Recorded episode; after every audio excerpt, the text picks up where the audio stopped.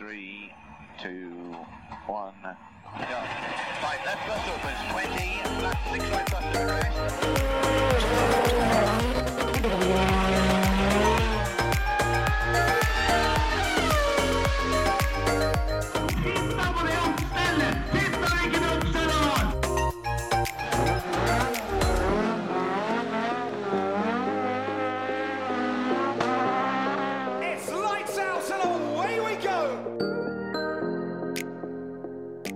Velkommen til en ny episode av eh, Føremøtet.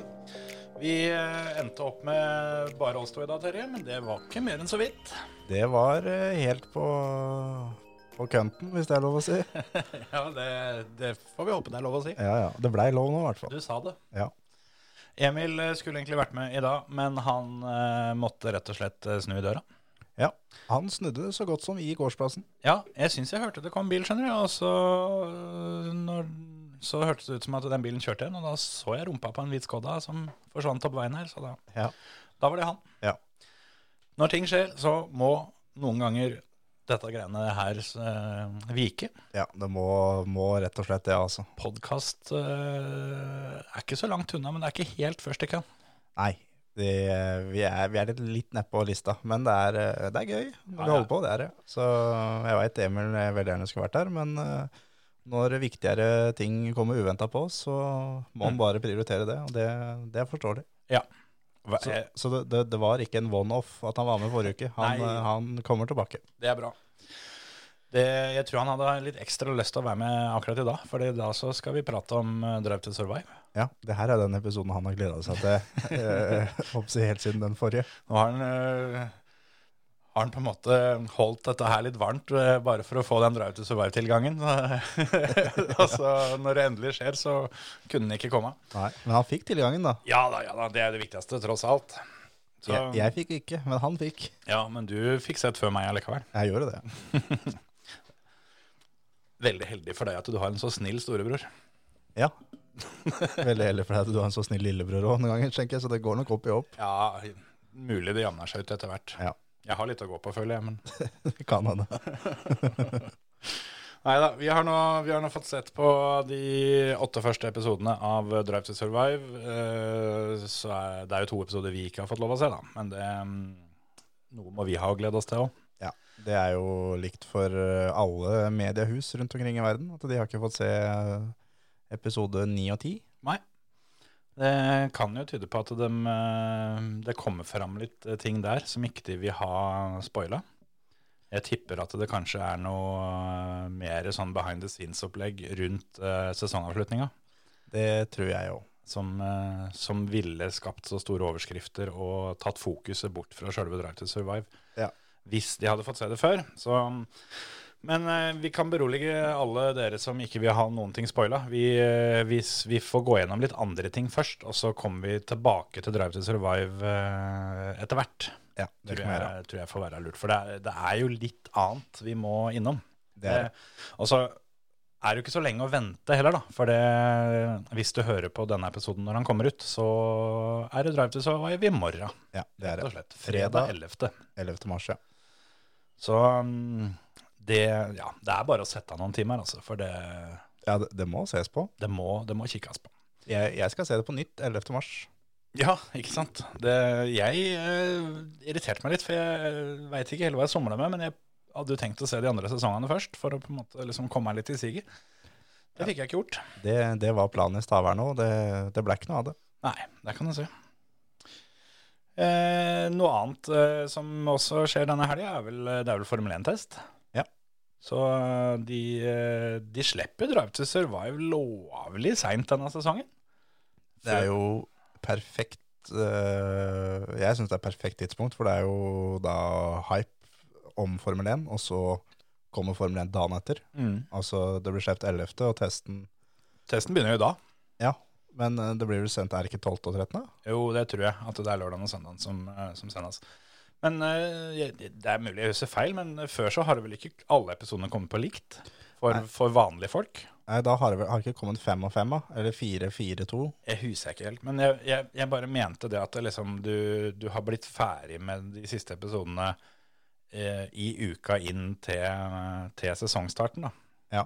Mens nå er det jo sånn at eh, du må være litt ivrig og få det litt travelt hvis du skal få kikka på alt sammen. Ja, men en rekker det. Klarer en sesong der på en dag. Ja, ja, ja, det går fint. Det er kortere episoder i år enn i fjor. Ja, det er det kanskje. Ja, ja. Så, mm, så sånn er det. Formel 1, eh, da er vel Formel 1-sesongen i gang, kan vi vel si. Ja, eller den er jo allerede i gang, for de har jo allerede kjørt test. Men det er eh, første gang vi skal se det på live-TV. Ja, det der, den der testen som var, var jo litt sånn derre Ta dere en tur og sjekk at bilen ikke ramler sammen under første nedbremsing, føler jeg. Ja. Mens det er nå det, nå det virkelig begynner. Men så er jeg også enig i at uh, det er ikke noe å lese ut av noen resultater i det hele tatt nå heller, for uh, de har fortsatt, uh, fortsatt mye å teste på bilene sine. Ja. Så det er litt det samme som forrige gang, bare at vi nå får se det på, Ja. på F1 TV. Kan nok hende at den En får vel så mye info fra litt analyser og litt intervjuer og sånne ting, som det du, det du får av uh, får av sjølve rundetida, da. Ja. At det, det kommer, litt, uh, kommer litt bakgrunnsstoff i form av litt analyser og litt sånn derre Litt Martin Brundle og litt, uh, litt sånne ting. Og Ja. hele, hele gjengen der, sånn, så det, jeg gleder meg skikkelig til det. det er, uh, jeg syns jo, syns jo testinga er vel så moro. Og samme som i når Formel 1-sesongen er ordentlig i gang, så er det jo treningssessionene som er ordentlig gøy. Mm. Så selvfølgelig løpet er gøy, det er jo for all del, men det blir på en helt annen måte. Helt enig. Eh, ja. Hva, hva mer skal vi ta med? Det har jo skjedd litt eh, ting på førerfronten her eh, hjemme i Norge. Eller altså, det er ikke så mye her hjemme, da, men for, for førere herfra. Ja, men vi kan jo også nevne når vi er inne på Formel 1-sporet, at eh, det som vi snakka om i, i forrige episode, det er, å bli, det er klart. Mazepin er ute. Ja, det er sant. Ralkali er borte, Mazepin er borte. Og han var en fører jeg tenkte at han, han der, eh, nissen der, han skal vi få slite med i all framtid. Ja. For den pengesekken der, den, den går ikke tom. Nei. Og det, det måtte en krig til, altså, før, før han gikk. Ja, det er så sjukt. Og det blir spennende å se om han klarer å klore seg tilbake. Jeg, eh, Det tror jeg ikke, altså. jeg tror ikke det, for nå, nå har han hatt sjansen, og eh, alle fikk se at han var ræva. Ja.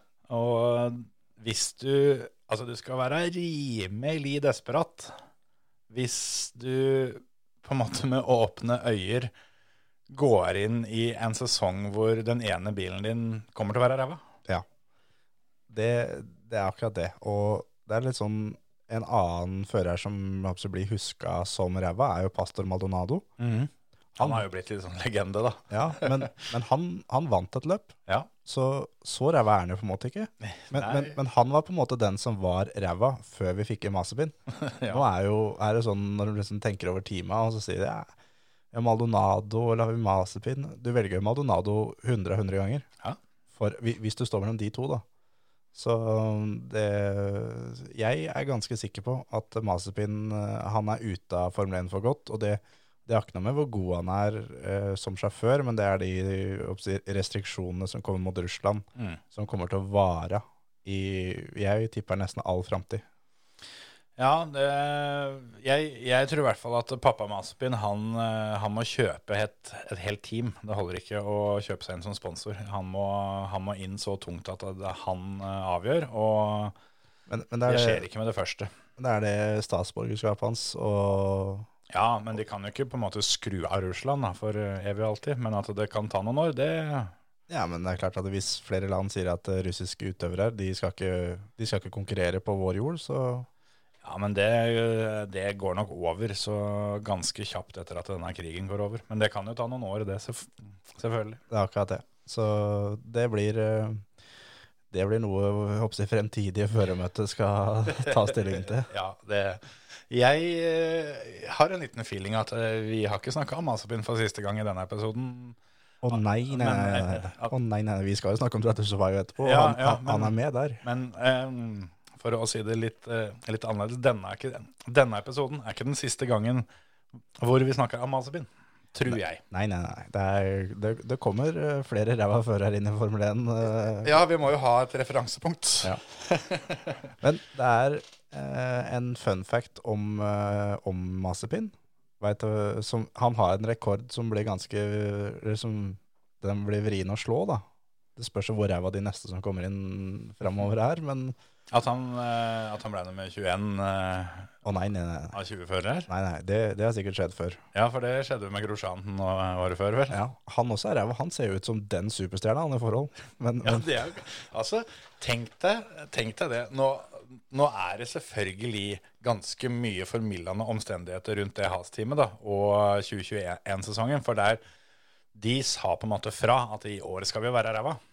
Ja, Men, eh, men tenk deg det at når de bytter ut Magnussen og, Magnussen og Grosjean, som de fleste egentlig syns var eh, Altså, det blir feil å si ræva, sånn sett, men de var, de var ikke akkurat noen toppførere, da. ikke akkurat. Og så, og, og så får de bytta ut begge to, og så blir det enda jævligere. Det, det er litt sånn uh, tungt, vil jeg tro. Ja. Men det var tilbake til den der rekorden han har satt.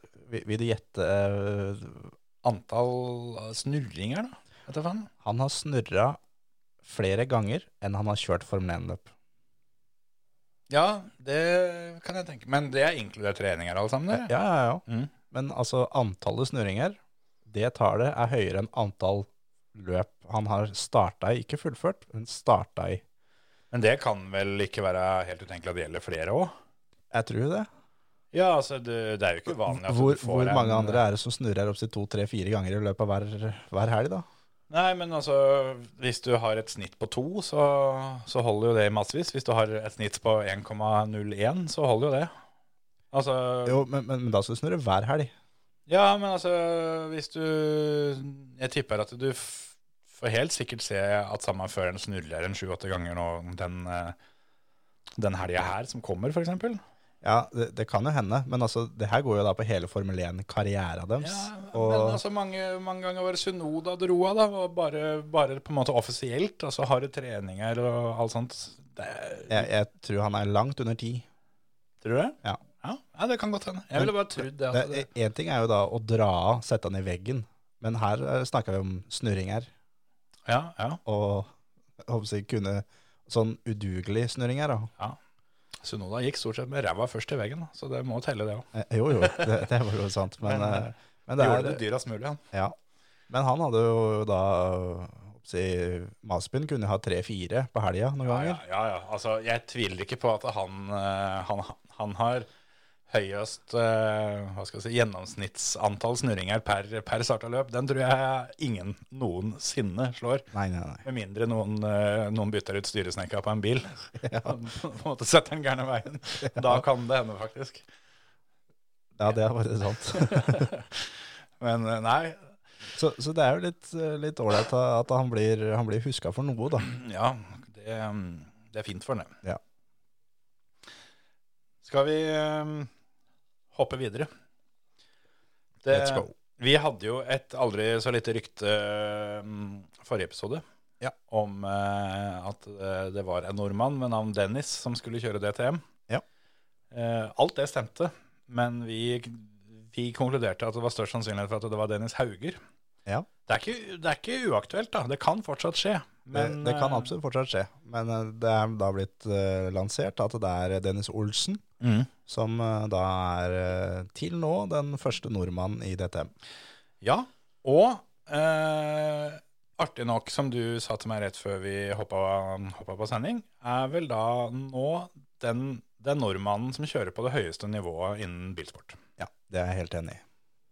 Det, det er nok uh, litt, litt uventa for, uh, for mange. Ja, og det er også garantert ganske mye delte meninger om. Og ja. uh, DTM er eh, Det er faktisk høyere nivå og, eller høyere status alt sammen enn Formel 2. ja, jeg vil, jeg vil jo si det. Ja, Uten tvil.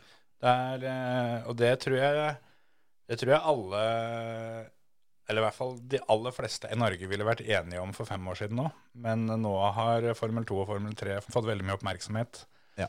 de siste åra. Det er det de har gjort. Og da, da virker det litt annerledes. Men DTM, eh, DTM er svært, altså. Det er skikkelig, skikkelig svært. Det er det det er. DTM er, eh, det er nesten det høyeste nivået du får med, med tak på bilen. Eller det er det høyeste nivået du får med, med tak på bilen, og høyest status og eh, alt sammen. Og det er på en måte Flere formel, tidligere form- Formel 1-førere har gått dit når de er ferdige i Formel 1, og fortsatt der. Litt sånn som Formel E er nå, at de går til Formel E. Før gikk de til, DTM. Og det er uh, en serie med mye unge talenter og mye erfarne førere. Og DTM er liksom Nesten mannen i gata veit hva DTM er for noe. Ja, Eller har altså, hørt om DTM. Jeg, jeg vet ikke det, Hvis en skal tenke alle biler med tak, så i hvert fall i min, eh, i min verden, men det er jo fordi at jeg ikke er noe, er noe baneracingmann i utgangspunktet, så er jo, er jo VM-rally over. Men det blir jo ikke sammenlignbart på samme måte. Men al- altså når du kjører på bane, Ja. så er det, det er liksom 24-timeren på Le Mans og, og den, den biten der, da. Ja, Det er klart at World Endurance Championship er høyt oppe, det òg. Ja. For all del. Men jeg tror fortsatt ikke de jevnt over kommer opp til DTM. Nei. Og det er, det er eh, garantert mye delte meninger der som hva som er høyest. Og det er, en, det er helt umulig å måle da, Ja. hva som er mest eh, status og, og alt, alt sånn. Men, men eh, DTM er, det er høyere enn Formel 2, i hvert fall. Det kan sikkert måles uh, Altså det er mange måter å måle på, men jeg vil tippe eh, hvor mye penger de tjener, er vel ofte en grei pekepinn. Ja. Penger de tjener, seertall. Budsjett eh, til teamet osv. Ja. Uh, alt det der. Ja, ja, uansett. eh, det er ikke meninga å på, på en måte sette det ene opp mot det andre. Det var, eh, det var ment som en slags kuriositet at eh, eh, Og for å illustrere hvor ekstremt stort dette er at, at Dennis Olsen nå skal kjøre full sesong i DTM. Ja, det er det det er. Så, og vi, jeg har ordentlig trua på han. Eneste som er nå, at nå DTM er jo det du kan kalle sprintløp. Mm. Eh, Noe han er vant til fra gokart-tida si, formeltida si, eh, og litt i Porsche Supercup. Eh, de siste åra nå så har han kjørt langløp, Ja. og så det blir jo da en helt annen kjørestil igjen. Mm. Eh, så det er det å komme tilbake til å kjøre sprintløp som blir utfordringa hans nå. Og selvfølgelig ligger jo i kroppen, for all del, men, men uh, han må nok jobbe litt med den biten der, og oppsett, være litt mer aggressiv. Uh, mye tettere felt hele tida. Feltet er ikke spredt. Mm. Det blir litt sånn som å, som å gå fra rally til rallycross, på en måte. Ja, det blir litt samme greiene. Jeg syns det er så gøy, og jeg, da, for, for Dennis Olsen har i hvert fall for folk flest gått veldig under radaren. Ja. Og vært forferdelig god i veldig, veldig veldig mange år. Men eh, kanskje ikke helt fått den oppmerksomheten han eh, hadde fortjent. Nei, absolutt. Han har jo, har jo vunnet IGTC-serien, som er jo da langløpsserie, og er jo verdensmester, sånn sett. Så han er, og han har vært ansatt hos eh, Porsche. Han har jobba seg opp gjennom Porsche-systemet. Og det er jo fortsatt også da gjennom Porsche han skal kjøre nå. Han skal kjøre for SSR eh, Performance. Mm. Så han, han lever av det her. Han er ansatt av Porsche, han får betalt av Porsche. Og det å bli en fabrikksfører for Porsche, det, det er ikke bare bare, altså. Nei, det er det ikke. Så mm, det blir spennende å se. Og, Og, og Dennis Olsen er jo også da en av de få førerne som jeg mener eh, har, gjorde det helt riktig. Han også begynte på den der Formel 1-veien. mm. Eh, fant ut i tide at det her blir ikke noe. Jeg kommer meg ikke til Formel 1. Nei. Det her eh, nåløyet er for trangt. Vi, vi må gå til bil. Og gjorde det i såpass ung alder at han har muligheten da, til å jobbe seg opp gjennom Porsche. Det har vært noe annet hvis han har vært eh, tre, fire, fem år eldre og brent opp alt som var av penger i, på den formelveien, Ja. og ikke fått det til, og heller da vært en fører som hadde sånn middels eh, plassering her. Da. da hadde det ikke blitt noe Porsche. Nei. Så han eh, er på en måte en sånn eh, til da yngre utøvere, og ser litt på den veien han har gått. Ja, altså det, det er mange det er mange veier til toppen, men det spørs bare hvilken topp du burde sikte mot. Da. Og det er et ut, usannsynlig viktig poeng det der at uh, i, i, i Formel 1 så er det 20 ledige seter som alle i hele verden konkurrerer om. Ja. Men uh, det fins mange måter å få betalt for å kjøre bil på. Og, men det er ikke så mange av, de oppgavene innafor formelbil. Det er akkurat det. det betalte formelbilseter, de, de er ikke mange av. Nei. Så, men selvfølgelig, jeg skjønner at det, det er helt sikkert eh, kulere å kjøre en eh, Formel 2-bil enn å kjøre en Porsche-bil. Ja. Sånn, sånn kjøre, rein, hvis du tenker kun rein kjøreopplevelse, så er jeg ikke i tvil helt at en Formel 2 den, du, Det er nok så sjukt at du ikke kan tenke deg det engang. Ja, det, det knuser en Porsche 911, eller 992 da, Ja. cupbil liksom. Men uh, jeg tror det er rått nok å kjøre, kjøre Porsche. Det tror jeg absolutt. Så er det jo sånn som eh, Det gjelder jo all eh, form for bilsport. At det, det handler jo om å kunne kjøre så fort du kan med det du har. Ja. Eh, jeg veit jo det at til og med de som, de som lever av å kjøre bilsport på høyt nivå både her og der, de syns fortsatt det er gøy når de kommer og skal kjøre leiekart.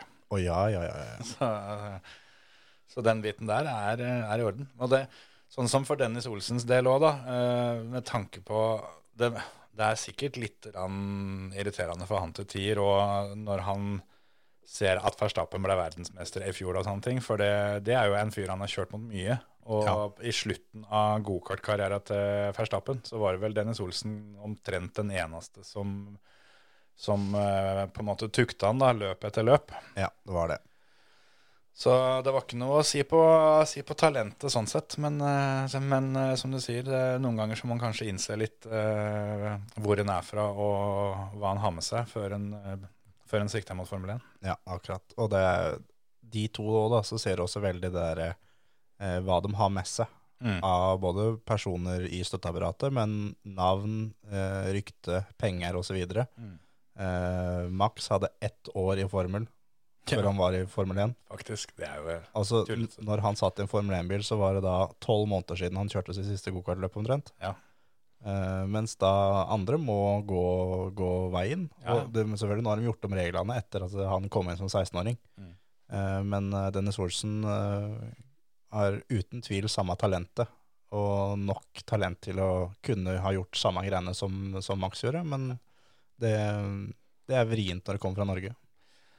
Hadde det vært en, eh, en ren talentkonkurranse hvor eh, alle bilene hadde vært eid av eh, ett et team som utelukkende plukka førere på hvem som var, som var gode, så hadde han muligens hatt en sjanse. Men Ja, da tror jeg vi hadde hatt en nordmann i Formel 1 for lengst, og det er ganske mange i Formel 1 som ikke hadde vært der. det er helt riktig.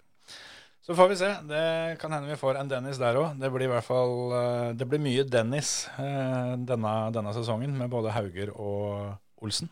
Ja. Så det blir veldig, veldig, veldig moro. Og det er jo fortsatt i helt øh, Det er ikke avgjort at Dennis Hauger ikke skal kjøre DTM. Eh, Red Bull har brukt, brukte DTM i fjor for å eh, både at Albon skulle holde seg varm, og at Liam Lawson skulle kjøre, konkurrere og få superlisenspoeng. Mm. Så det kan absolutt hende at øh, Dennis Hauger blir øh, satt i DTM også. Men uh, det er jo ikke noe offisielt i det hele tatt. Det er heller bare ønsketenkning at vi kunne få Ja. Hauger mot Olsen. Ja, Det hadde vært for sjukt, faktisk. Ja. Men uh, også, tenk deg det, da. DTM har jo holdt på noen år. Vi har aldri vært med, og så plutselig skal vi, skal vi få to. Ja, det er Det er, er nesten litt dårlig gjort med Dennis Olsen, om han må, om han må dele den der allerede første sesongen. Ja. Men, Men- det, er, det, er litt, det er litt kjipt at eh, det er eh, da GT-biler og ikke de gamle DTM-bilene. Ja, Eh, det er sant. Jeg snakka litt med, med Andreas Bakkerud, som har jo da kjørt de gamle DTM-bilene, for han var på en test med, med Audi. Ja. Og som han sa, at det kjøreopplevelsen i, i en form Renault eller noe sånt var kanskje råere.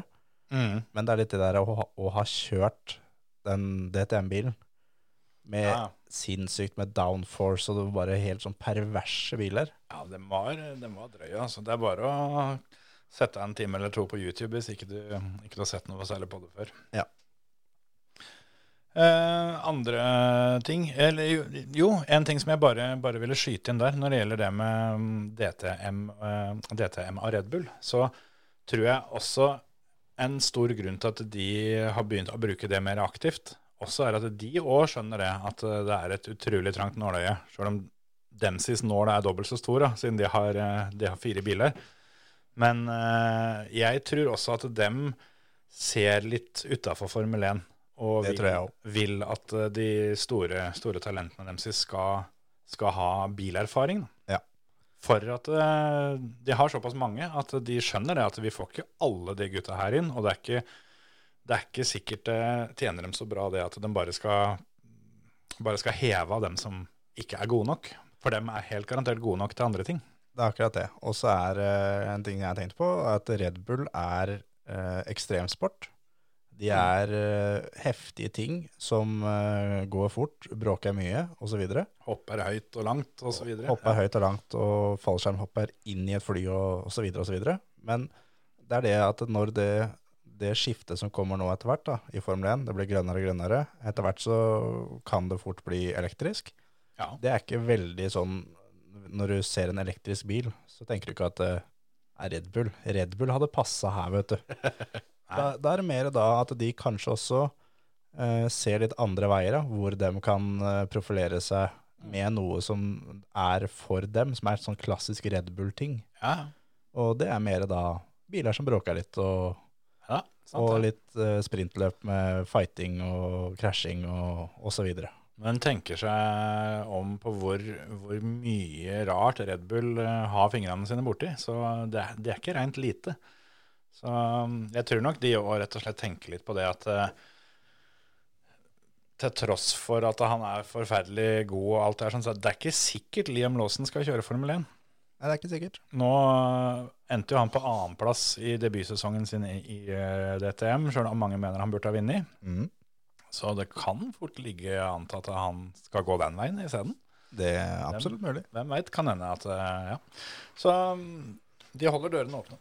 Men nok om det. Det er flere nordmenn som har kommet med annonseringer når det gjelder hva som skal kjøres denne sesongen. Ja.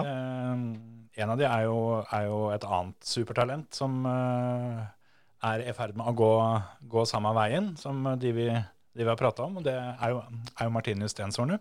Ja. Skal kjøre full sesong i Formel 4 i Italia, med noen runder i Tyskland. Ja. Han hadde jo allerede en Formel 4-satsing eh, på plass, men det her kommer da i tillegg, sånn at det blir en smekkfull Formel 4-sesong. Ja. Kjøre mest mulig. Ja.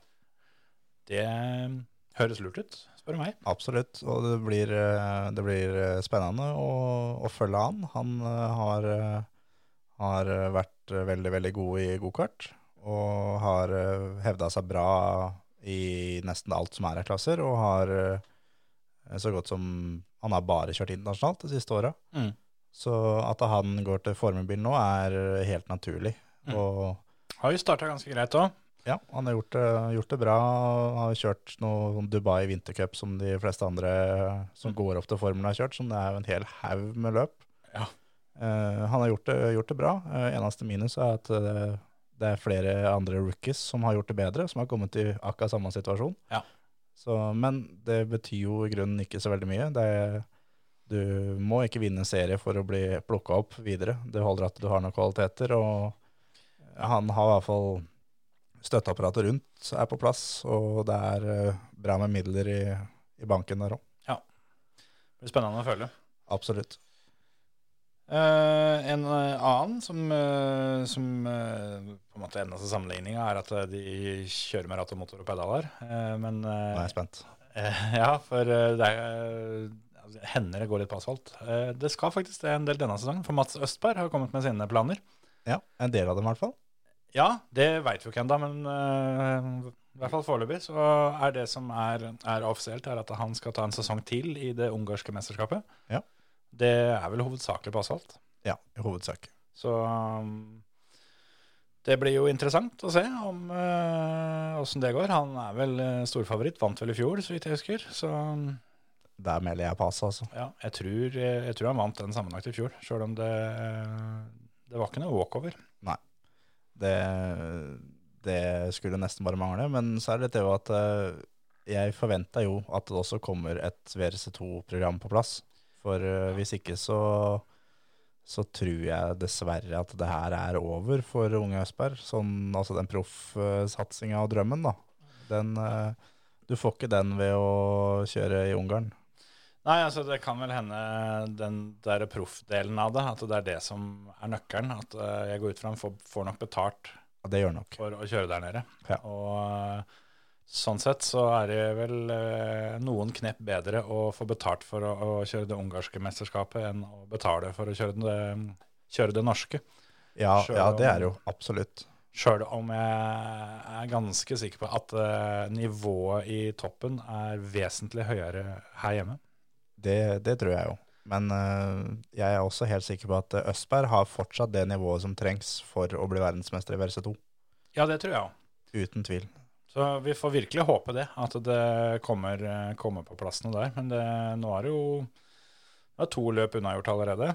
Det er det. Det er ikke så, altså Nå har vi en liten pause, da, men uh, Trenger bare seks, gjør ikke det? Løp. Uh, ja, det skal ikke jeg si for sikkert. Jeg mente det var sju i år. Ja. Men uh, uansett, da. Det, det lar seg fint gjøre. Men han har jo stått over eh, Monte Carlo, som han vel ganske sikkert hadde hatt som et av sine løp hvis han hadde valgt alle. Jeg tipper han hadde hatt Sverige òg.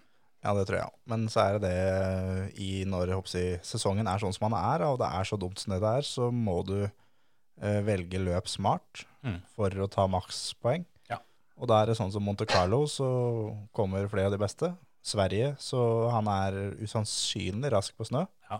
Men der kommer også alle de beste. Da veit han at han får Veiby, han veit han får Andreas Mikkelsen, Mm. eh, som også er god på snø. Eh, det er ikke sikkert den Citroengen er noe særlig glad i snø.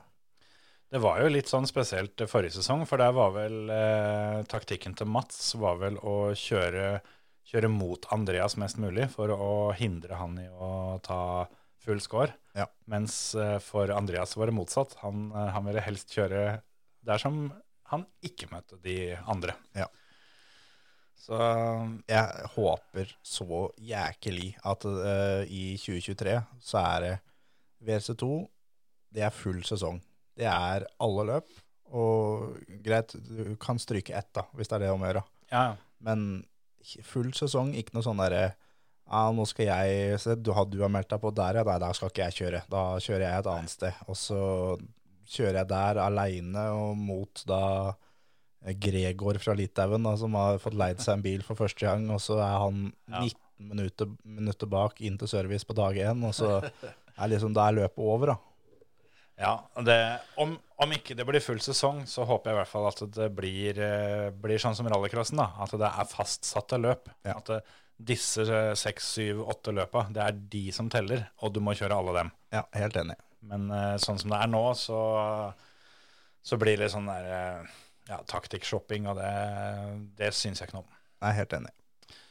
Men uh, det er vel ikke noe tvil om at Østberg i det minste har planer om uh, å kjøre WLC2, for han uh, er jo fortsatt på landslaget. Det er han. Og i hvert fall i mine øyne så burde ikke det ungarske mesterskapet være nok alene. Så Det er jeg helt, helt enig. At det, det burde ikke holde for en plass på elitelandslaget. Nei, for det, Eivind Brynildsen røyker jo ut.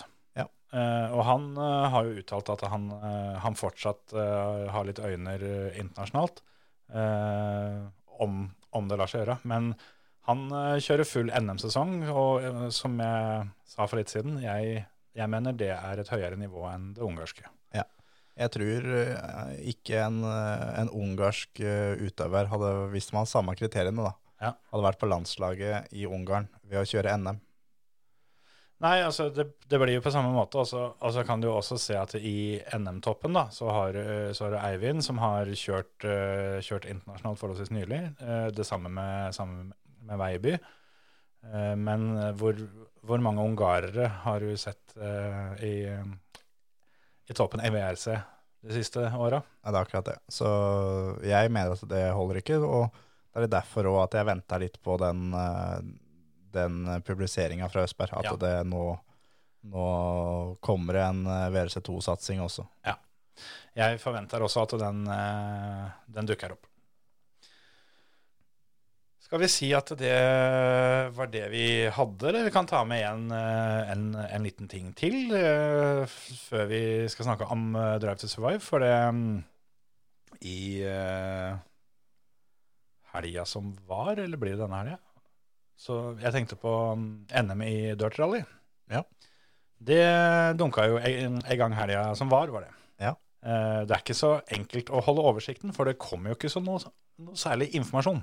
Nei, det, det er, alt, alt er jo som det pleier. Det er jo, det er jo likt sånn som det var forrige sesong, at det er eh, kav umulig å finne noe informasjon om det, og det er ikke noe, noe oppsi, prøvelser på å få en haug med deltakere. Det er ikke noe reklame, ingenting. Nei, Så der skal du helst eh, kjenne noen som kjenner noen som kjenner bestemora til han som arrangerer. Det er, ja, det er, eh, det er veldig sært, eh, sånn sett. Og etter den Etter den Hva skal man si, da? Etter den fadesen og floppen som vi hadde i fjor, Ja, når de dreit skuffen helt full. helt smekkfull, så hadde jeg jo trodd at de eh, klarte å få gjort noe med det i eh, år. Det skjedde ikke. Det er eh, mye som tyder på at det i stor grad i hvert fall er copy-paste fra noe som gikk til helvete. Ja. Eh, og når ikke det funka forrige gang, så er det vel ikke så veldig mye som tyder på at det kommer til å funke så mye bedre nå. Nei. Men eh, påmeldings... Altså, den første informasjonen som kom ut, den kom eh, kvart på fire på ettermiddagen. Den dagen påmeldingsfristen gikk ut. Ikke sant? Så ble påmeldingsfristen eh, forskyvet litt. Rande. men det er litt som om det skulle kommet beskjed nå i dag på torsdag om at eh, til lørdagen så er det landsfinale i bilcross. Mm. Lykke til, folkens. Ja. Jeg håper dere har kompensert dere. Ja, ja, ja faktisk. Altså, sett bort ifra det, da, at du, at du faktisk må kvalifisere deg. Men, men for her er jo da en NM-sesong over syv løp. Mm. Eh, informasjonen kommer da kvart på fire, jeg mener det var torsdags ettermiddag. Den uka løpet er.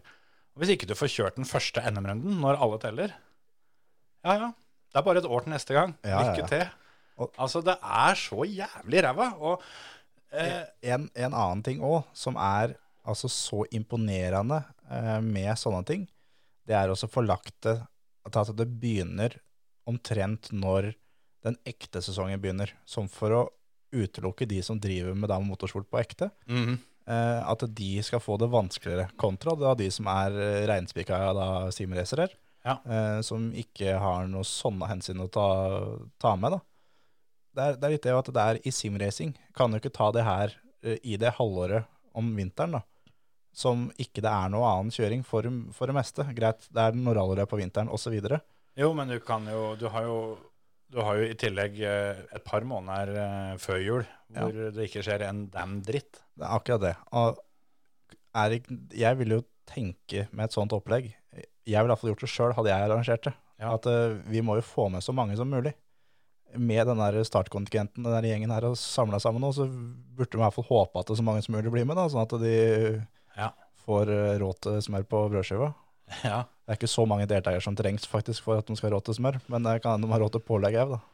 Ja, det, det, er, eh, det er spesielt at ikke det Altså, det er helt sikkert veldig mange her som står på og gjør så godt de kan, men de som skal ha kjefta, er jo Bilsportsforbundet, som virkelig viser, for å si det rett ut, at de driter i e-sport. Ja, ja, ja. Altså, de tar virkelig lang fart. Men nå er det vel ikke omtrent det eneste mennesket inne på kontoret der uh, under 40. Det er vel ikke så mange under 50 heller. Og da Nei, de er i mindretall hvis de skulle Ja. eh, hatt en slåsskamp. Ja, dem alle sammen får plass inn i heisen samtidig, for å si det sånn. Ja, det tror jeg. Så det har jo selvfølgelig litt å si. Men er det ikke på tide å gjøre noe med det, da? Når du har et uttalt at eh, e-sport er viktig for oss, osv. Da må du levere noe litt bedre enn den driten her, altså. Ja, ja, ja. Enkelt og greit. Nå har hun satt bort til NMK sin nye e-sportsatsing eh, når det gjelder eh, simracing-NM. Ja, iRacing, ja. Så de, eh, de kjører samme opplegg på rally, og så er det NMK som da skal ta asfalt og rallycross. Ja. Sim-NM-a. Ja, og begge to får jo på, på iRacing. Og, Men så er med det rallygreiene her òg, er jo øh, Det er jo på en måte godt at vi ikke er med. For øh, med det vi har sagt nå, så hadde vi blitt diska. Vi, Det vi, vi hadde blitt utelukka. Det går jeg ut ifra. De hadde i hvert fall hatt alle muligheter til det. fordi eh, ifølge reglene så forplikter du deg til eh, å prate positivt om det. Og du må ikke, ikke si noe slemt om noen involverte. bare det i seg sjøl syns jeg er så sinnssykt. At, at det er mulig å ha det i en, eh, en regel. Ja. At det, ja, du skal godt få lov til å være med. Det, vi var ikke så veldig flinke i fjor, men eh, du får ikke lov til å si til noen at ikke vi er flinke i år. Nei. Og, men du i tillegg forplikter deg til, til å promotere det på en positiv måte. Det er helt, helt bak mål. Hvis du, skal, hvis du skal tolke den der som bokstavelig, så du får ikke lov å holde kjeft engang. Du må faktisk prate om det, og du må faktisk prate positivt om det. Ja. Så um, Gratulerer med dagen og god jul. de får bare kose seg, de som, de som skal være med. Og det er viktig å poengtere òg at dette her er ikke bare oppspinn fra vår egen del. Det er kanskje det temaet vi har fått eh, aller flest meldinger fra dere som hører på om. At dette her er noe de ikke syns noe om, og som de gjerne vil at vi tar opp. Kan vel ha noe med at de som har sendt inn det, veit at det nå sitter det to brødre i det studioet her som er ganske røde i panna, og vi sitter helt i ro og har puls eh, litt oppunder. Her må jeg jekke en cola. Ja. For det er litt varmt. Skal vi eh, ta en beinstrekk, og så går vi inn på noe som er litt hyggelig. Snakke om Nikita Masbin på nytt, og tror jeg du så var. Ta, ta et lite steg opp og komme da tilbake på matspinn, ja. Snakke om flere som ikke får det til. Yes. Du hører på Førermøtet, Norges beste motorsportpodkast. Jeg kommer aldri til å Aldri til å slutte å lure på når du skal treffe riktig pauseknapp. Og det vittige er at eh, Emil gjorde det samme forrige uke, når det var, når det var han som styrte. Ja, Men heldigvis, da, så for de som hører på, så blir jo da den lyden som blir trøyt feil, den blir redigert vekk, og så Ja. blir det lagt inn, eh, Ja, lagt inn en annen lyd. Men det gjør jo enda, enda mer fascinerende, for det, du må fortsatt stoppe den lyden som var feil, og så starte den som er riktig. Ja, ja, Når ikke det spiller en dritt rolle. Det, du, kan, du kan synge en trall og, og være ferdig med det, for det skal som du sier klippes bort likevel. Ja, det er sant. Men, men. Sånn er nå det. Så den, eh, den lyden dere ikke hørte, nå som eh, dere isteden uh, hørte Harald Løken fortelle fine ord om podkasten vår, eh, det var feil lyd. Ja. det, det er helt riktig. Dere kan få lov å høre den som, den som er riktig, og den som blir kløpt vekk. Gammel slager for våre faste lyttere er det der. Ja, det er en Lada. Og den, ja, det, det er en liten fun fact, faktisk. Ja. Og den, eh, den andre lyden som Terje eh, da vanligvis trykker på isteden, det er den dere får høre helt til slutten i hver episode. Det er korrekt. Så sånn er det. Han prøver å runde av tidlig. Uke inn og uke ut. Ja, ja, ja. Slår aldri feil. Skal, vi, skal vi prate litt Drive to Survive, da, sånn at du, at du faktisk kommer deg hjem til slutt? Ja, vi, vi kan jo prøve på det. Hva, syns du? Var det, det var det du skulle spørre meg om? Ja, det var egentlig det. det. Det må være lov å si at jeg er litt skuffa. Eh, ja, det er lov å si. For eh, nå sesongene som har vært nå, sesong én, eh, klar terningkast seks. Mm. Toeren, klar terningkast seks. Mm. Sesong tre, klar terningkast seks. Nå tror jeg fader ikke det er stort mer enn fire øyre på den terningen. Jeg tenker det samme. Uh, Men det som er bra, det, er det, er, jævlig bra. ja, det er enkeltepisoder som er insane bra, men det er uh, si, Det har blitt litt for mye Netflix, på en måte. Mm. Nå er har de skjønt at vi har nådd ut til et veldig breit publikum. Ja. Vi skal nå ut enda breiere. Det er blitt sånn, og um, det begynner jo etter hvert å bli veldig få der ute som uh, i hvert fall har et snev av interesse, som ikke har fått sett dette. Skal den Nysen uh, være med hjem, eller skal den ut, her? Jeg, jeg tror det blir med til, sta- Stavern. De der grimasene der, dem, dem burde vi hatt på film. Begynte med, begynte med å drikke nesa. Men eh, ja, hva, hva sa du for noe? Jeg fulgte ikke med nå. Nei, Jeg har glemt det. Ja, dette helt her, altså. Nei, det er, det er liksom De lager det nå på en måte som at du Du skal kunne se en episode, så skal det gå tre uker, så Mm. skal du kunne se neste episode. Ja. Og det er som Jeg får litt sånne Hotell Cæsar-vibes. At det er eh, en episode, og så er det da to-tre minutter med highlights fra hva som skjedde i forrige episode. Altså, så er, er det sinnssykt med gjentagelser. Det er det, og ikke minst så blir jo det understreka at eh, de hopper jo litt fram og tilbake i eh, tidslinja, da, for å, for å kalle det det. At de, de er i ett løp, og så er de i to-tre løp seinere, og så hopper de tilbake til det andre løpet. Men det er jo stort sett fordi de må, fordi at de er på en annen story, da. Så du, du Innimellom for å se den samme, samme situasjonen fra en annen vinkel, på en måte, med noen andres øyne. Ja. Men det som jeg syns er veldig tydelig, er at uh, det er en episode om, eh, om Has, som de følger Has hele episoden. Det er min solklare favoritt, for den er, den er lik som de foregående sesongene. Den er veldig i dybden. Vi er med inn på styremøter osv. Ja.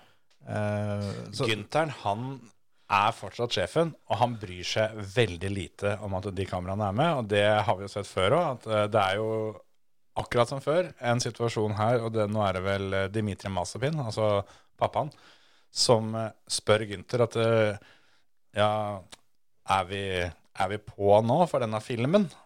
Og da mener han å Drive to Survive, da. Mm.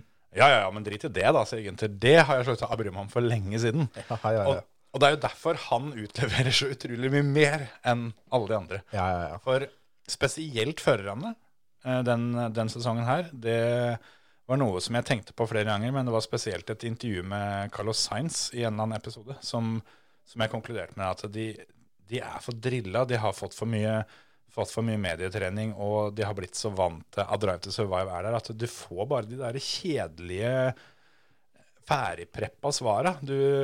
Og det som har gjort hele Drive to Survive så unik og så utrolig bra, er at du kommer under huden, og du kommer på en måte inn bak der alt, alt skjer. Ja, jeg er helt enig. Og nå er vi veldig sånn på overflata. Og det som jeg begynte på, begynte på i stad, at, eh, at før så fulgte du ett og ett team. eh, gjerne tre-fire løp, eller en fører osv. Ja, du kunne gjerne få hele sesongen til et team eller en fører, og så hoppa du over til en annen i episoden etter. Ja, men, men nå er det veldig tydelig at nå følger de løp, altså løpshelger. At Ja. nå er det uh, et eksempel, da. Monza. Bare fra Monza så var vi innom fire-fem team på Monza. Ja, Og så er det da Silverstone. Er vi innom to, tre, fire team fra Silverstone. ja Altså, det er ikke noe eh, Altså at vi før har fulgt én og én og én. Mm. Men nå er det da altså, en hel haug av førere og team fra den samme helga. Det virker litt sånn som at de, de har, føler vel sjøl at de har brent seg litt når det har skjedd noen svære greier. Så har de da vært opptatt hos noen andre. Mm. Mens at de nå, sånn som f.eks. Monza, da, at de eh, underveis da fant ut at eh, her går ikke så verst for McLaren. Da må vi sende noen gutter bort og følge med der. At de har begynt å tilpasse seg litt at de er der det skjer, da. Ja. Og det er sånn det kjenner jeg det, det irriterte meg veldig, for da var det, da var det mer på en sånn overflate sesong-highlights-video, eh, som i flere episodene fikk veldig følelsen av det. Men så er det igjen da noen episoder, eh, særlig da med Has, men også når en følger Sonoda i Alfa Tauri. Og Williams har de også litt Ja, Williams eh, også er veldig, veldig bra, men sånn da eh, Mercedes eh, følger kun Hamilton. Bottas er ikke med. Han kommer med Han er jo litt med i Williams-episoden, for Ja, det, så, vidt det er, på en måte. duellen, eh, duellen mellom han og um, George Russell er jo på en måte fokus i episode åtte. Og eh, da får du jo en god del Walter i Bottas, og det, det er jo som før, at når to eh, stykker fra Finland prater sammen, så eh, blir det ikke sagt så forbanna mye. Nei, nei, Og, så, så det er jo litt begrensa, men eh, Det var vel egentlig først i episode åtte, da, den episoden der, som jeg fikk, eh, fikk for første gang inntrykket sånn skikkelig eh, at vi er på innsida. mm, Det er når, eh, når Toto Wolff tar med seg George Russell bak bussen. mm. Eh, Faktisk. Ja, rett og slett bak bussen. Eh, ikke for å hjule den opp eller noe sånt, men for å gi han beskjeden at, at han begynner på at ja, ja, neste år, da, det, det blir jo En god og en dårlig nyhet. Ja. Det ene er at du skal kjøre mot Lewis Hamilton, da. Andre er at du skal være på lag med han. Ja. Og da er på en måte at du, at du fikk det øyeblikket der, Ja.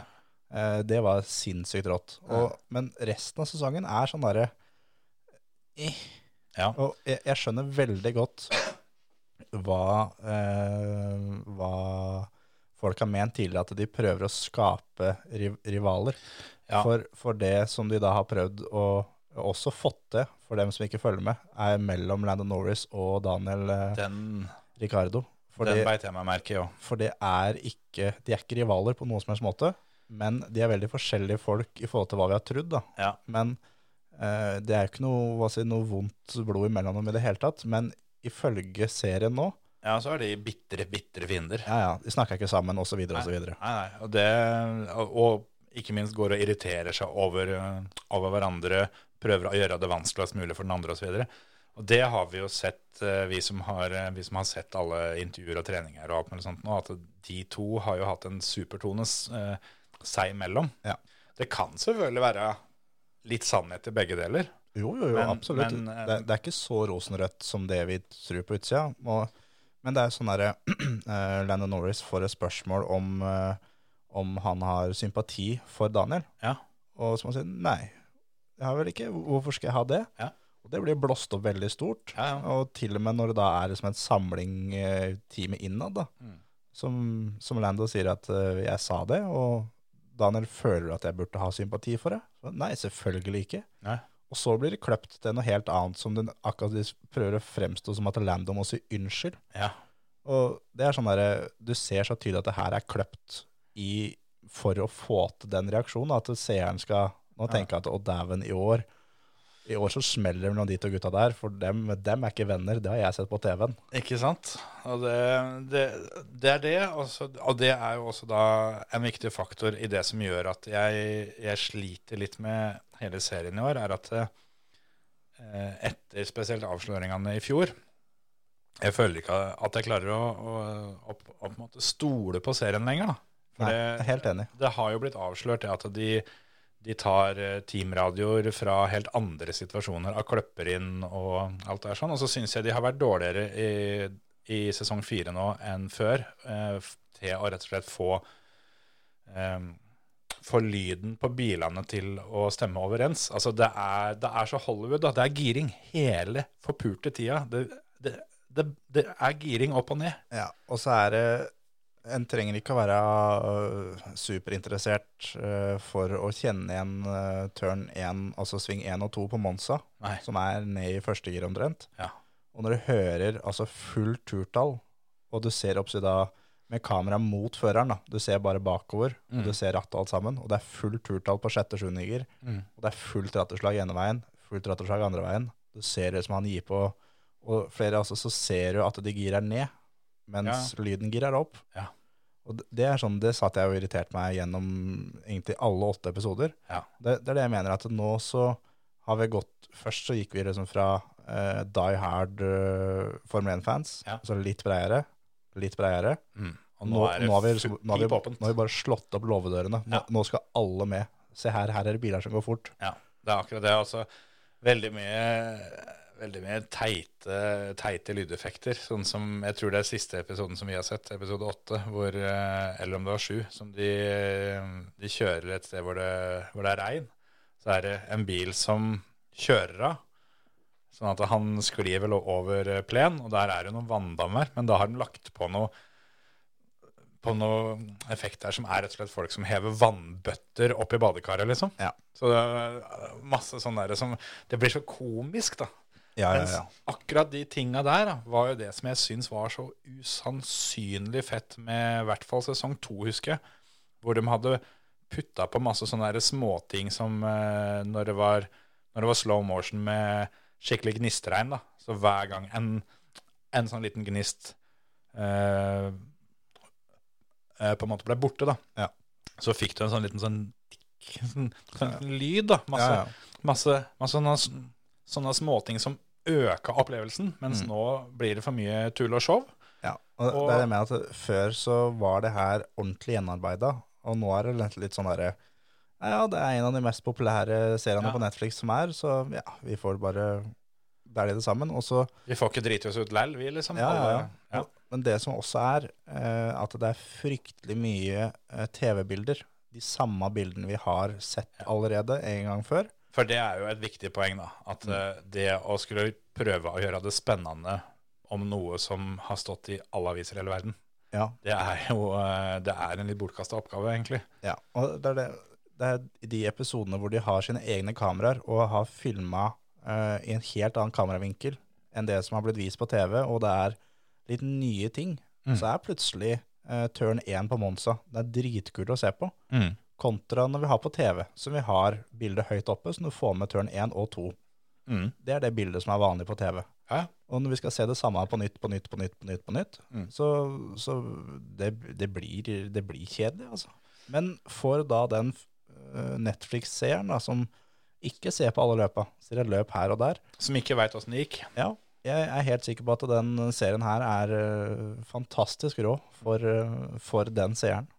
Så er det, må vi vel komme med en eh, liten advarsel òg, at når du setter på den første episoden, så du må rett og slett holde ut litt. For det, det tar rett, altså omtrent akkurat 20 minutter i første episoden før hun kommer til poenget. Ja. Da er det 20 minutter med opphaussing og oppbygging om hvor utrolig spennende dette her er, og for en sesong og bla, bla, bla. bla. Og jeg tror det er 20 minutter og 11-12 sekunder eller noe sånt. Da er faktisk de første bildene fra et løp. Ja, det er noe sånt. Og det, det er en halv episode, det, med, med rett og slett repeat-knappen på tidenes beste sesong. I Ja. en eller annen form. Det er det jeg mener òg, at eh, det er litt det òg som gjør at det ikke får noe høyere enn terningkast fire for min del. At det her var en av de råeste sesongene som har vært, Ja. med så mye som har skjedd. Ikke bare helt i toppen. Det har skjedd så mye rundt videre nedover òg. Mm. Og eh, da blir det liksom Det blir litt kjedelig å høre på Christian Horner og Toto Wolff hele, om hele tida. Ja. Og, og de, dem også. De er kløppa ganske greit for å få rivaleri dem imellom. Ja. Det, Der er det mye, mye kløpping med kommentarer som jeg, det er tatt ut av sammenheng. Ja, ja. Og det, eh, de, de har jo fulgt med Christian Horner eh, en del, det har de gjort før òg. Ikke så mye med Toto Wolff. Eh, De, de har fått vært med en eh, i bilen og, og litt sånne ting når, han, når han, han har vært på vei til og fra ting, men ikke hjemme, sånn som Sånn som Horner og hun Scary Spicen, så er de jo er de hjemme på gården og ute og rir på hest og liksom få litt den, den der private praten av litt unger og litt sånne ting. Ja. Eh, med Wolf så, så får du en god del mer av kona hans. Det er vel første gangen. Ja, Susie Wolf er, er mye med nå. Og Hun var skotsk. Ja. Det, det var ikke jeg klar over, faktisk. Nei. Eh, jeg, eh, jeg trodde hun var engelsk, eh, men eh, når hun begynte å prate litt eh, For jeg har vel ikke hørt så mye intervjuer med hun når jeg tenker meg om. Og sånn eh, kjapp quiz, hvilken Formel 1-team kjørte for? Hvem, hvem Formel 1-team hun kjørte for? Ja. Sauber. Williams. Ja, Tredje, tredjefører i Williams. Det visste jeg jo når du sier det. Hun ble aldri første- og andrefører, men hun var tredjefører. Hun er vel teamsjef for eh, Formel E-teamet til Mercedes. Ja. Eller var. Ja.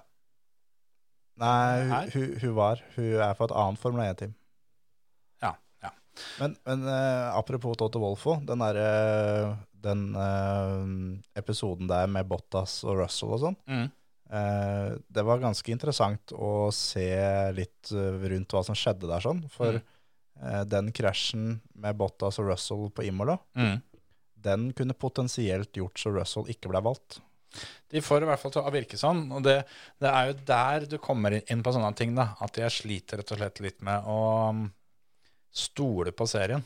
Ja, men, men så får det, når, de er, når de følger Toto i bilen der, når han får den telefonen Ja. ut også, at, eh, at uh, så man veier dem litt opp imot hverandre. da. Ja. At Bottas han er en uh, dyktig Mercedes-fører. Han, han kjører som en Mercedes-fører. Han oppfører seg som en Mercedes-fører. Han prater som en Mercedes-fører. Og så har vi Russell. Ja.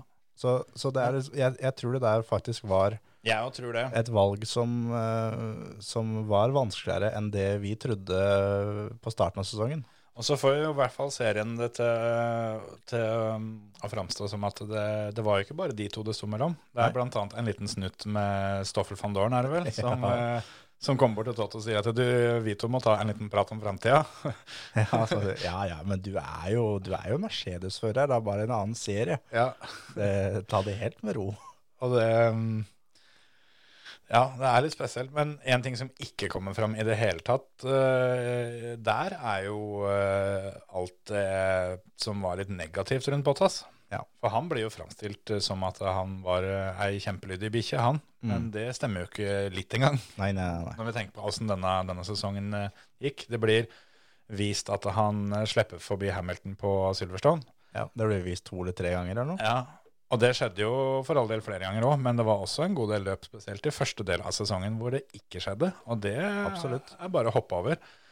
Så er det en del andre ting som ikke har fått noe fokus enda. Kan selvfølgelig komme, men eh, det har ikke vært noe fokus på det som, alt det som skjedde i Baku. Det er så vidt lite grann vist eh, at, eh, at Hamilton irriterte seg noe vakent over at han dreit seg ut i mm, Baku-ristarten der. Ja, han fikk på break magicen, ja. Ja. Og det, det er litt det jo, at det er mye Ricardo, som det alltid pleier å være. Og det tenkte jeg på. Det er vi snart ferdig med, vel. For Ja. at det, det er ikke noe nytt. Altså, han har, han har fått minimum Altså, han har fått halvannen episode i snitt, omtrent. Ja, ja, ja. Og nå har han eh, Han har vel halvannen denne gangen òg. Jeg syns han er med nesten hver episode, ja. Ja. Så det er mye om han, og det er, han er en kul fyr, for all del. Men, Ja, ja, ja.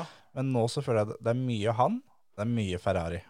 Mm. Det er de to, det er den oppsi, det Når jeg tenker tilbake nå på de åtte episodene jeg har sett, så er det er de Duellen to, McLaren uh, mot Ferrari. det er veldig mye uh, Ferrari og Ricardo. Lando er med Ja. litt sånn innimellom, men det er særlig Ricardo. Og, og Zac Brown nå er, uh, Ja. er faktisk ganske mye med. Men det er Han er vel med ut på ishockeytreninger, eller? Ja, han er tatovering, og han, eh, han tatoverer jo Monza-banen med, med datoen for, eh, for seieren der. Og så eh, kommer det fram at han syns ikke noe særlig om dette her. Så blir han spurt om at eh, tar du tilsvarende når Lando vinner sitt første. Nei, jeg tror vel vi får finne på noe annet da. Ja. Så gode gamle Cyril Abiteboll er jo faktisk nevnt, og, og med så vidt òg. ja, er det. Men det, eh, tilbake til Has-episoden. For den eh, Jeg er nok enig med deg, tror jeg. At jeg syns den kanskje er den beste. Eh, der får du faktisk være med Gynter på topptur. Ja, ja, ja. Sånn ordentlig topptur. Ja, det gjør det. Og, der får du også sett uh, hvilket uh, gjennomsyra rævhøl både far og sønn Masebyen er. Ja, for det som jeg konkluderte med der, som er omtrent det eneste notatet jeg har tatt, er at uh, de har jo 100% åpenbart betalt for at den episoden skal være positiv. Ja. For de trekker vel fram uh, hvilket løp var, uh, var i Sotsji-løpet. Ja. Hvor de får det til å se ut som at Masterpin, han er så utrolig lur, og fordi han så på skyene og skjønner skyene i Russland, så gikk han inn tidlig og fikk på, fikk på regndekka. Og, og det ble vist at han kjører forbi bil etter bil etter bil. Mens fasiten er at han kom dønn jævla sist igjen. Han var den eneste som ble dobbeltlappa i det løpet. Yes. Han ender som nummer 18 da, fordi at det to andre ikke kom til mål. Altså, de rett og slett brøt løpet. Og den ene av de var Mick. Ja. Det var han og Latifi. Og da blir det liksom poengtert at ja, ja, nå slo vi Mick, og nå slo vi Latifi. Men det er sånne kommentarer som er lagt på, ikke sant? Ja, ja, ja. Og det er det som fucker opp alt. At her, her får de det til å framstå som at han gjør et bra løp. Ja. Han gjør jo ikke et bra løp. Nei, nei, nei. Og en annen ting også, som jeg tror far og sønn Masebyen ikke har tenkt over, det er at Netflix er et forholdsvis eh, stort konsern. Ja. De har gutta på jobb, liksom. Og damer. Ja, ja. Og alle er ikke fra England. Nei. Det fins en og annen russer der òg, gitt, som skjønner hva de sier for noe, og så Ja. kan oversette det de sier. Ja. Og når de to da står og sutrer og jamser seg imellom hvor ræva den bilen her er, og uh, faren sier det at hvis ikke dere gjør noe nå, så trekker jeg med sponsor og pengene og alt sammen, så får dere ha lykke til, gutter. ja. Nå stenger vi døra. Det blir ikke noe mer kjøring hvis jeg ikke er med mer. Ja, og da Altså, den episoden der, den setter de to, altså far og sønn Masepin, i et så jævlig dårlig lys. Ja. Og, og det har ikke noe med Kleppen å gjøre. Nei. For, for, for Klepperne har gjort så godt de kan for å få det andre veien. Ja, for det der, der er åpenbart laga for å se best mulig ut. Det er det faktisk ingen tvil om. Altså. Og Nei, det, nei, det er litt sånn overraskende at de faktisk har så lange fingre her at de strekker seg helt inn eh, til Netflix. Veldig dårlig timing for dem, da. At pga. alle sanksjonene så er ikke Netflix tilgjengelig i Russland lenger. Så, Så de må ikke sette. så det, det, Det der slapp de å se på. Ja. Men så er det også det at eh, For det er veldig tydelig at det er Masepin som har gått inn. Han skal ha den episoden der om Has. Ja. Eh, Mick er ikke så veldig mye om, men han blir jo fremstilt eh, som altså en, en gudegave, nesten. Mm. Altså i, i forhold til, til Masepin, og som bare sutrer og jamser om bil og alt sammen på, på radioen. Ja. Mick han bare skryter og sier takk og alt sammen. Ja, og det, der har du tilbake til den der sånn, her får du komme bak døra, du får være med inn, og du kommer under huden, og du, du får høre noen uh, teamradiobeskjeder som ikke er helt bra, og så ikke minst så får du høre når Gynter tar med seg Mazepin uh, inn på kontoret, og forteller han at uh, nå må du rett og slett ta, den- ta det sammen litt. Ja. Og, Nå må du gi det. og ikke minst så Det kommer jo fram der at Gunther sier rett ut at eh, de andre som jobber her, de er redde for det. Ja. Du kan ikke holde på sånn. Det, det er nyheter. Ja, ja, ja. Men altså, det er ikke overraskende. Nei, nei, nei. nei, nei. Men det er veldig deilig å få det fram. Ja.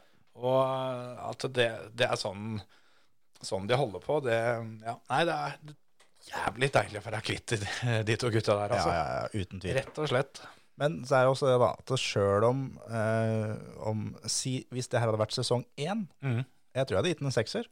Men det er det at, at uh, altså de tre foregående sesongene er så latterlig bra. Mm. Og de er bra fortsatt. Jeg har sett gjennom sesong én uh, for noen måneder siden. da. Ja. Det er fortsatt terningkast seks. ja. Så det er litt det at det er, det er derfor jeg nå gir en terningkast fire. Mm. Uh, Det er fordi at eh, jeg har så høye forventninger. Og at det i hvert fall, når de har klart å holde seg på terningkast seks i tre sesonger på rad, Mm. så forventer du at i hvert fall vi kanskje er på en, en sterk femmer. da. ja, ja. Men nå er jeg så nede på vippe mellom tre og fire. Ja, altså, så er det litt at mye av det er, er litt oppbrukt. Da. Så, sånn som det at vi Det er ikke noe det er ikke noe de kan fortelle oss om Daniel Ricardo som ikke vi har fått høre før. Nei, helt, det er helt sant. Han, eh, han er en morsom fyr, altså, men det, det fins en grens. Ja, det, det når taket der òg. Og så er det en ting som jeg hadde faktisk gleda meg litt til, eh, som ikke har kommet til de åtte første, er Lawrence Stroll. Ja. Han, han hadde jeg håpa å sett mer av. Og så hadde jeg, for å være helt ærlig, også håpa at det skulle være litt Fettel, eh, og ikke nødvendigvis på banen, men alt det han har gjort utafor banen den, den sesongen som gikk. Jeg er helt enig. Det har ikke vært eh, noen ting fra noen av dem. Aston Martin og Alfa Romeo er vel de to eneste teama som det har vært dønn stilt fra. Ja. Så um, dessverre, ikke noe Kimi denne gangen heller. Det kan selvfølgelig hende at det kommer en liten avskjed. Eh, Det kan hende. Men um, Og så er, så er det kult at Sonoda er eh, Han er en så liten drittunge som det han, eh, Ja, ja. han framstår som. som uh, han skal inn der og få massasje, og kommer inn der og er sånn klar, og så Nei, vent, jeg må gå og drite. Ja. Og det, det blir jo trukket fram av Er det Gasly som sier det, eller om det er Liam Lawson, uh, som, uh, som sier at det, han har ikke noe filter. Nei, nei, nei. Men det, det som kommer fram eh, der, når det gjelder eh, akkurat Yuki Sunoda, som faktisk overraska meg litt, at de tar med så mye, er at eh, han Altså hvor lat han var, da. De ender faktisk med at de tvangsflytter han fra Milton Keanes i England, utafor London, Ja. hvor alle Red Bull-juniorene stort sett bor, Ja. eh, til Italia. Sånn at han skal være for seg sjøl, for at de, de skal tvinge ham til å trene, for det har han ikke giddet. Ja. Altså, og han, han, han sier rett ut at eh, det, det synes han ikke noe om. Så å følge kosthold, trening, sånne ting som det, som burde vært 100% innarbeida for årevis siden, Ja, ja, ja. det, det må de tvinge ham til, rett og slett. Ja, ja. Sonoda har jo sagt det i et intervju nå helt nylig, at, uh, at han er veldig klar for sesongen i år. For eh, før og til delvis under sesongen i fjor, så var Frans Tost, som er da er vel 60, er han ikke det? Mm. Han var i bedre fysisk form enn det han sjøl var. Ja, og det, det forklarer nå en god del òg, mener jeg, da. For det, Jeg er helt enig. veldig mye av de feila han gjorde i fjor, eh, kan du fint koble til litt konsentrasjon og sånne ting. Ja. Men det som er interessant der, med den flyttinga, at der er det Christian Horner som går inn Ja. og sier det at uh, Sonoda er, eh, er en, eh, en bra fører, et kjempetalent, Mm. men han trenger Frans Tost-skolen, Ja. som da er flyttet til Italia og lever etter hans regime. Han trenger strammere strikk, rett og slett. Ja. Og det er jo det han får. Og det når du Jeg, jeg tror det er derfor han har fått en sesong til. For å kunne se om eh, Hjelper det? Blir det bedre? Og så ikke minst så det, det må jo på en måte bli bedre. Ja. Og det er jo litt det at eh, det var jo ikke noe kjempesesong i fjor, men han, eh, han viste definitivt glimtvis at dette her- duger. Og hvis du Altså, det blir som eh, blir som en fotballklubb, da. At når du får hele laget ditt med på en full preseason, Ja. så blir det bra. Men hvis, hvis du på en måte kjøper seks nye spillere 14 dager etter seriestart, så kommer det ikke til å bli bra. Det gjør ikke det, vet du. Så jeg tror eh, med den infoen som kom fram der, så skrur jeg forventningene mine til Yuki Sunoda opp et par hakk før eh, 2022-sesongen. Jeg gjør det, jeg òg. Men skal vi Jeg har litt lyst til å, å lansere en konkurranse. Det syns jeg vi skal gjøre.